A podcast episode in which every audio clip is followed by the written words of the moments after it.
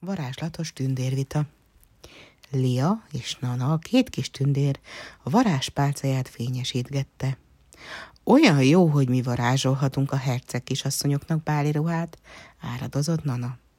A világ legszebb ruhája lesz, mondta Lia, és meglendítette a pálcáját. Tánc, vidámság, muzsika, ebből lesz a szép szoknya. Csillogó, áttetsző szoknya termet előttük a semmiből. Lia minden oldalról alaposan megnézte. Nagyon szép, mondta Nana. Most én jövök. Szépség, ezernyi varázslat, legyen blúza a ruhának. A szoknyához hosszújú, fodros felső részt nőtt. Csodálatos, mondta Nana. Elbűvölő lesz a herceg kisasszony, ráadásul a zöld jól megy a szemeszínéhez. Meglóbálta a varázspálcáját, és ezt mormolta. Akkor jó a ruha, hogyha zöld és puha. Lia homlokát táncolta. Zöld? Én kéket szeretnék. Már emelte is a pálcáját. Te kis ruha okos légy, színed nem más, hanem kék. Villám cikázott át a szobán, és a ruha elkékült.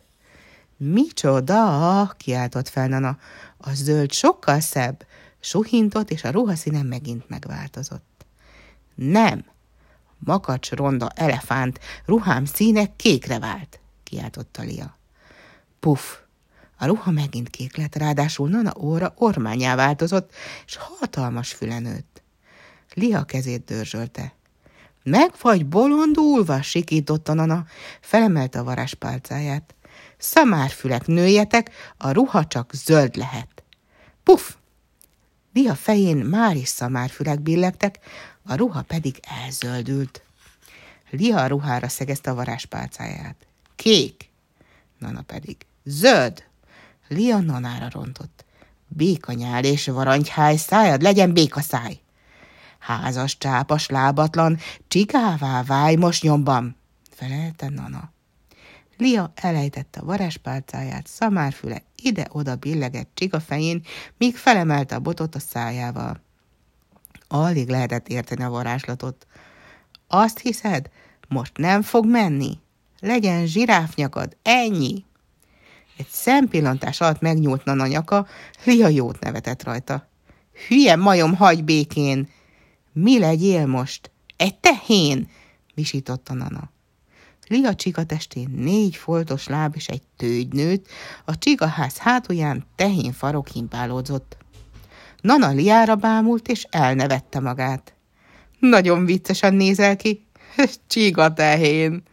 Még hogy én, kuccogott Lia, nézd magadra! A tündérkék gurultak a nevetéstől. Lia hirtelen elkomolyodott. Mi van a ruhával? Mindketten megfordultak.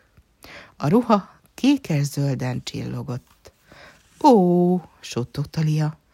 Hű, kiáltotta Nana. Ezerszer szebb, mintha csak zöld vagy csak kék lenne, állapította meg Lia. Nana bólintott. Az ormánya ide-oda himbálódzott.